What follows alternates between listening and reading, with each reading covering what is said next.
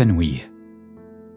تتضمن هذه الحلقة شهادات حول اضطرابات نفسية وحالات انتحار قد يجدها البعض مؤذية. إذا أحسست بالضيق أو الانزعاج ضع صحتك النفسية اولا.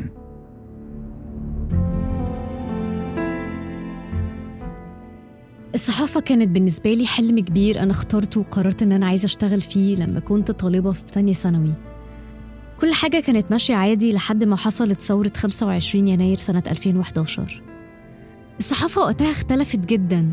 مرة كنت موجودة قريب من جامعة القاهرة وحصل حريق كبير جدا في خيم الاعتصام وشفت بعيني أطفال بتصرخ ورجالة بتتحرق.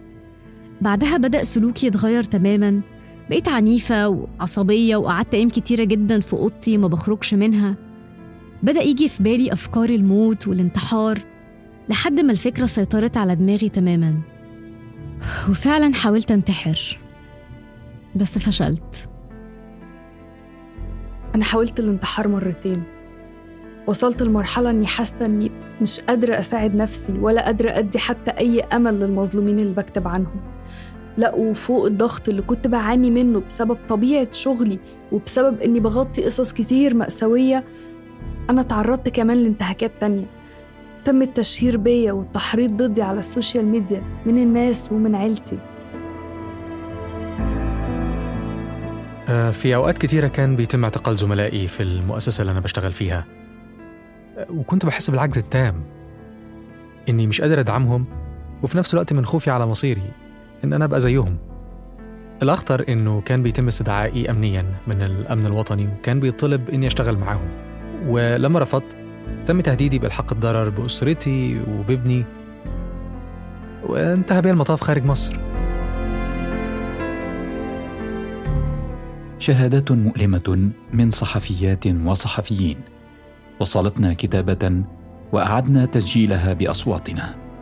جمعت هذه الشهادات حملة جديدة في مصر. اسمها سلامتك تهمنا. حاطين بكم من الوصم المجتمعي لفكرة إن أنت تروح لدكتور نفسي أصلا يتعامل معاك على اعتبار إن أنت مجنون.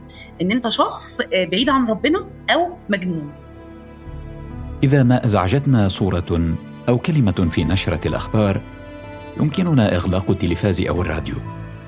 يمكننا أن نبتعد عن مصدر الإزعاج. الضحايا فيه صور وأرقام. لكن الصحفيين يعيشون القصة. ليس أمامهم من مفر سوى أن ينظروا. أن يسمعوا وأن يعيشوا الصدمات ومن واجبهم أن يتحدثوا عنها. ثمن باهظ دفعوه وها هم اليوم يقولون لنا إن مهنة الصحافة في عالمنا العربي في خطر.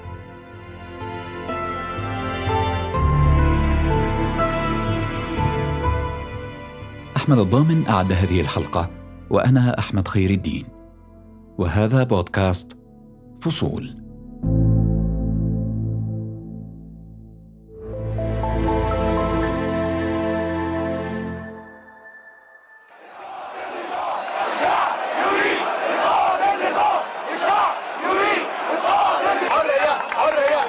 أنا على الهوا أنا على الهوا أنا على الهوا. بس يا مصطفى أنا على الهوا أنا على الهوا أنا على الهوا. أنا أنا مصري يا جماعة أنا على الهوا أنا مصري أنا مصري. مصر. ثورة الخامس والعشرين من يناير عام 2011 كانت بداية لأحداث كثيرة. مظاهرات قتلى وجرحى ومشاهد قاسية عايشها صحفيون في الميدان. منهم إيمان. إيمان عوف صحفية مصرية. لم تتوقع إيمان كم ستؤثر أحداث ذلك العام على صحتها. أنا صحفية مثلا بشتغل بقالي 15 16 سنة. يعني 2011 تساوي كل السنين اللي أنا اشتغلتها قبلها. لأنه في الحقيقة أنت نزلت من مجرد شغل آه، مكتبي آه، مظاهرات طفيفة لواقع مليء بالاشتباكات وواقع مليء بحوادث التحرش في الاعتصامات اللي حصلت بعد كده. كم من القتلى إحنا شفناهم بعينينا وفي كم من الحرائق في حالة من التوتر الشديد حصلت في الفترة دي فخلى الأزمة بتاعه ال- الجانب النفسي يبقى على السطح. لقينا زمايل لينا قرروا إن هم يسيبوا المهنة. لقينا زمايل لينا حاولوا الانتحار. يعني إحنا مثلا عندنا واقعة انتحار آه، لزميل من من أقل من سنة آه، اسمه عماد الفقي في إحدى المؤسسات القومية آه، انتحر. انتحر من شباك مؤسسته اللي هو شغال فيها. كم آخر من المحاولات للانتحار ما بين زميلات وزملاء صحفيين. كتير جدا كم من حالة التوتر النفسي والضغط النفسي توصل أحيانا لدرجة إنه الشخص المشهود له بالكفاءة والحيادية والمهنية فجأة ما بقاش هو نفس الشخص بقى شخص تاني خالص لكن أليس الصحفيون الذين نشاهدهم أو نستمع إليهم معتادون على هذا النوع من التغطيات؟ أليست الصحافة كما تعارف عليها أهلها مهنة المتاعب؟ آه، هي طول عمرها مهنة متاعب بس المتاعب زادت. أنا بتكلم عن الواقع في مصر. صحفيو اليوم ليسوا أضعف أو أقل خبرة من صحفيي الماضي لكن المجتمع ككل لم يكن يعطي هذا الموضوع الاهتمام الكافي. هذا ما عايشه صحفي لبناني طلب مساعدة دكتور خالد ناصر. الدكتور خالد ناصر استشاري في إدارة الصدمات النفسية. الصحفي الذي لجأ إلى دكتور خالد كان يعاني من الصدمة بسبب تأثير الحرب الأهلية اللبنانية رغم أنه قد مر على اندلاعها حوالي نصف قرن من الزمان. مدهة المتاعب ونفسيا متعبة ونفسيا فيها توقع أثر كتير كبير نفسيا على الشخص يعني بتنهكه نفسيا وجسديا وبتستنزف طاقاته. فما بتصور إنه من زمان ما كانوا هيك بس الفكرة إنه كانوا من زمان أكثر يغطوا عليها. يعني أنا بعدني في شخص صحافي كان عم بيقول لي نحن وقت الحرب الأهلية صحافي لبناني كان رئيس التحرير يحط لنا البروزاك على الطاولة يقول لنا خذوا هالحبوب أو ما بعرف شو أي حبوب آه، خذوا وانزلوا غطوا الخبر. يعني يعني مثل هيك بلاستر حطوا هالبلاستر وانزلوا لكن أليس الصحفيون هم من ينقلون الأخبار؟ لماذا قد يعيشونها أيضا؟ هل يمكن للإنسان أن يعاني من صدمة نفسية حدثت مع شخص آخر؟ إنه فكر أنا بدي أنزل بس أنا ممكن تصير آه، معي trauma أو يصير معي آه، آه، احتراق من جراء العمل أو يصير معي trauma العدوى secondary trauma من secondary trauma معنا تروما من من الصدمات اللي أنا عم بشوفها بالعالم مش عندي من المآسي اللي عم شوفها عند العالم أنا أشربها. يتحدث دكتور خالد هنا عن صدمة العدوى وهي صدمة غير مباشرة تنتج عن الاستماع لرواية الأشخاص الذين تعرضوا لصدمات مباشرة. رغم تطور الوعي والثقافة النفسية ما زال مجتمع الصحفيين بشكل عام يظن أنه أقوى من الصدمات. مجتمع الصحفيين بحد ذاته بحارب هالفكرة هاي إنه نوعا ما في ستيغما إنه أنا كصحافي آه لازم آه فكرة القوي. أنا آه أنا يعني لازم آه سيطر على أعصابي مش أعصابي تسيطر علي. وعيب يعني أنا ما بكون صحافي إذا أنا تركت أعصابي هي تتحكم فيني ومشاعري تتحكم فيني.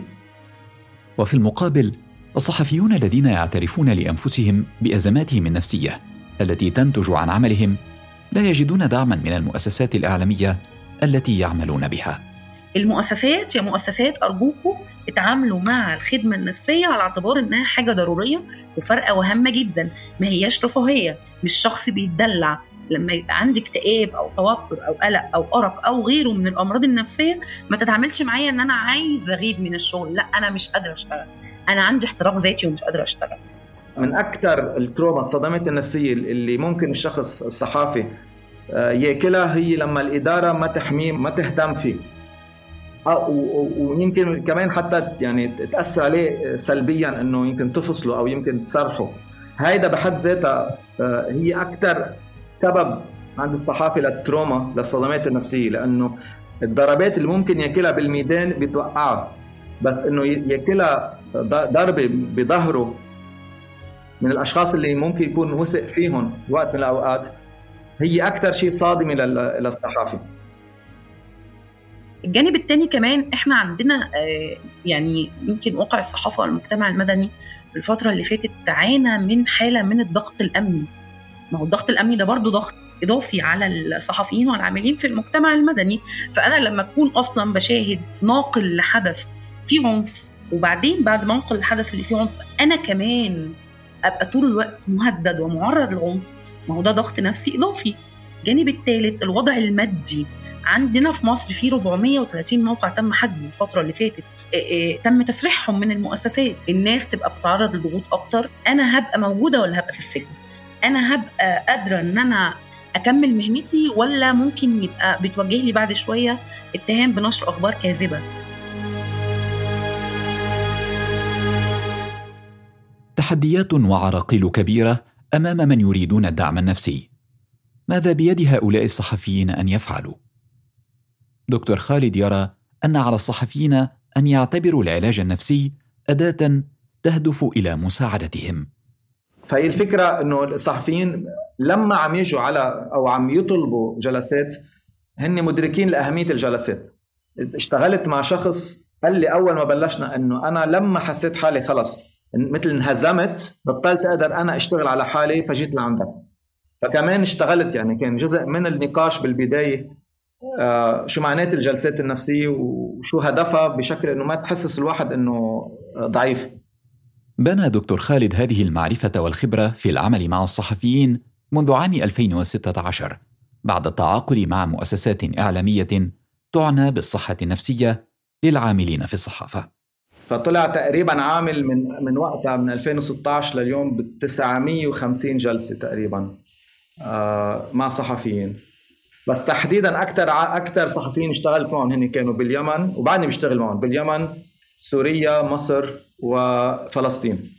الصحافي هو عبارة عن طفل آه، متهور بيتحمس لمواضيع بزت حاله بمغامرات عنده هدف وخاصة الصحافي العربي بمنطقتنا بده يغير المجتمع بده يحسن في عنده هالإحساس كناشط اجتماعي. يعني نفس الوقت في تهور ومجازفة وبنفس الوقت في قلق وتوتر. فهيدا بيعملوا إنسان إيه بيميزه عن بقية الأفراد العاديين نوعا ما أو المجتمع اللي برا. مقارنة بالمستشارين المتخصصين وجدت إيمان أن عددا من المعالجين النفسيين الذين لجأت هي ورفاقها لهم في البداية لم يكونوا مؤهلين للمساعدة. إيه تعالى بقى نعالج الأمراض دي فبتبص تلاقي مجتمع عنده مشكلة ضخمة جدا مع المرض النفسي. عنده طول الوقت رؤية إنه المرض النفسي دوت موصوم في في في في أطباء بيطلعوا يقولوا أنت مريض نفسيا عشان بعيد عن ربنا. ده إحنا بنسمع يعني ده شفناه. شفناه بعينينا وسمعناه بودانا أطباء. زملاء الإيمان فقدوا الأمل. كثير منهم تركوا مهنة الصحافة أو فقدوا وظائفهم بسبب الضغوط النفسية عليهم. كان الأمر بحاجة إلى تغيير. وإيمان لم تتوقع أن تكون واحدة من أدوات تغيير الوعي في هذا المجال. هذا كله بدأ عندما اجتمع نشطاء وصحفيون سويا في دورة تدريبية. الهدف منها الخروج بفكرة مشتركة عليهم تنفيذها معا.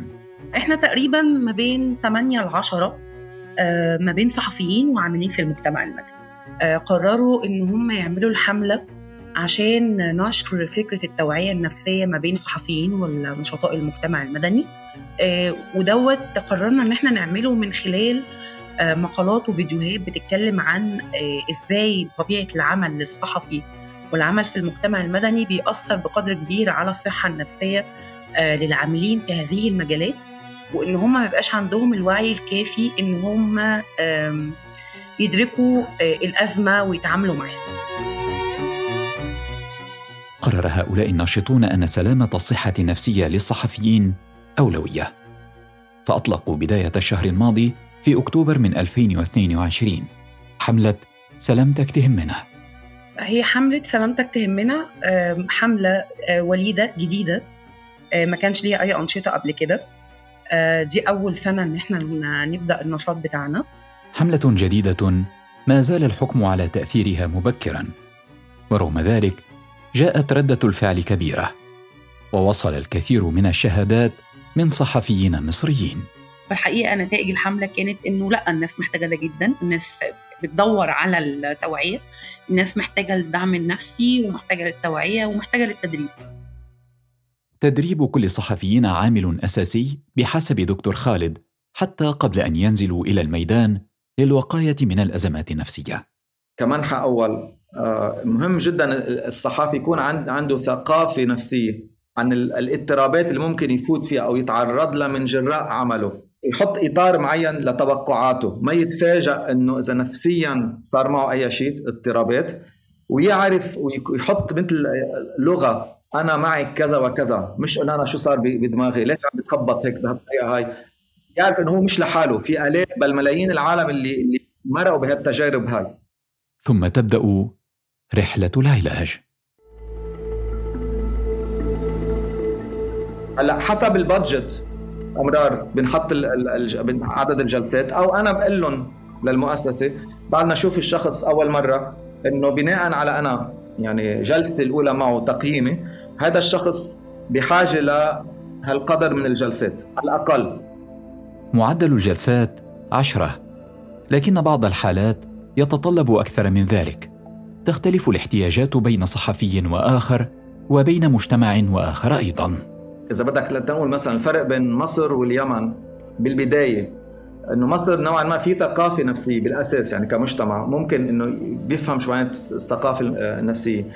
آه، بينما مجتمع باليمن خاصة عم يشتغل مع صحفيين مش بالضرورة بالمدن تحديدا. ما كان عندهم هالثقافة بس كان عندهم فكرة إنه أنا بدي أعبر بدي أطلع. بعد أكثر من عقد على أحداث ثورة الخامس والعشرين من يناير سألنا إيمان. لو عاد بك الزمان واستطعت أن تقولي شيئا لنفسك أثناء العام الأول من الثورة. ماذا كنت ستقولين؟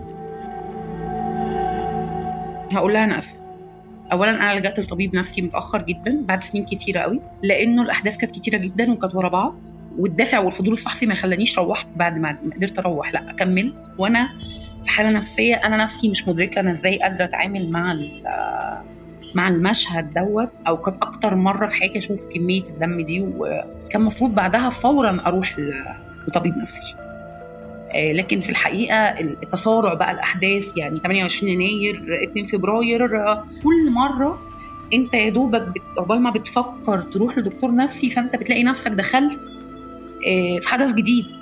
بدأ يحصل لي حالة من حالات الاحتراق الذاتي حرفيا اللي هو أنا مش قادرة آه، أشتغل ما بقومش من مكاني ما بخرجش من البيت مش عايزة أشوف حد مش عايزة أتعامل مع حد خالص.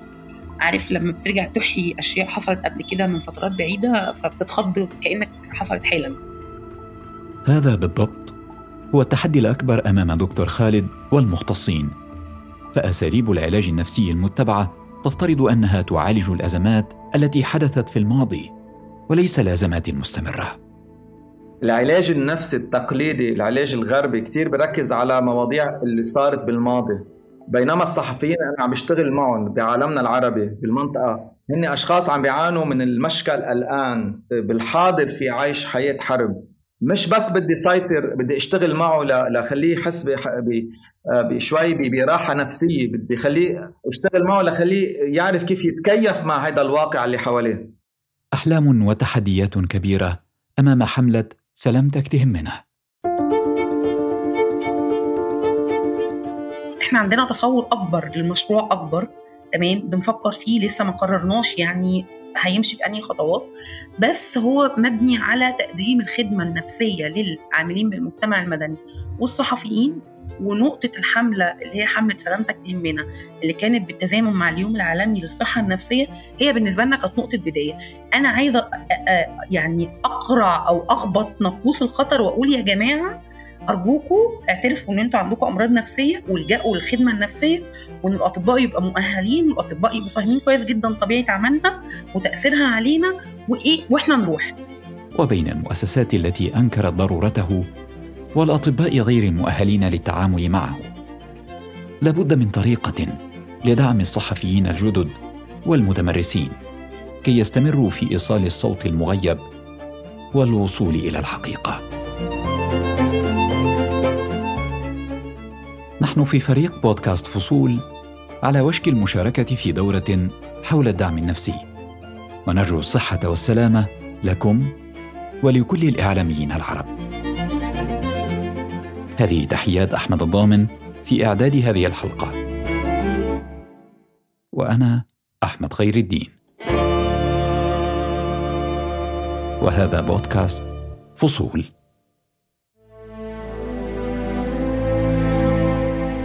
معا نروي فصول الحكاية. استمعوا لنا على تطبيقات Apple و Google و Spotify و SoundCloud.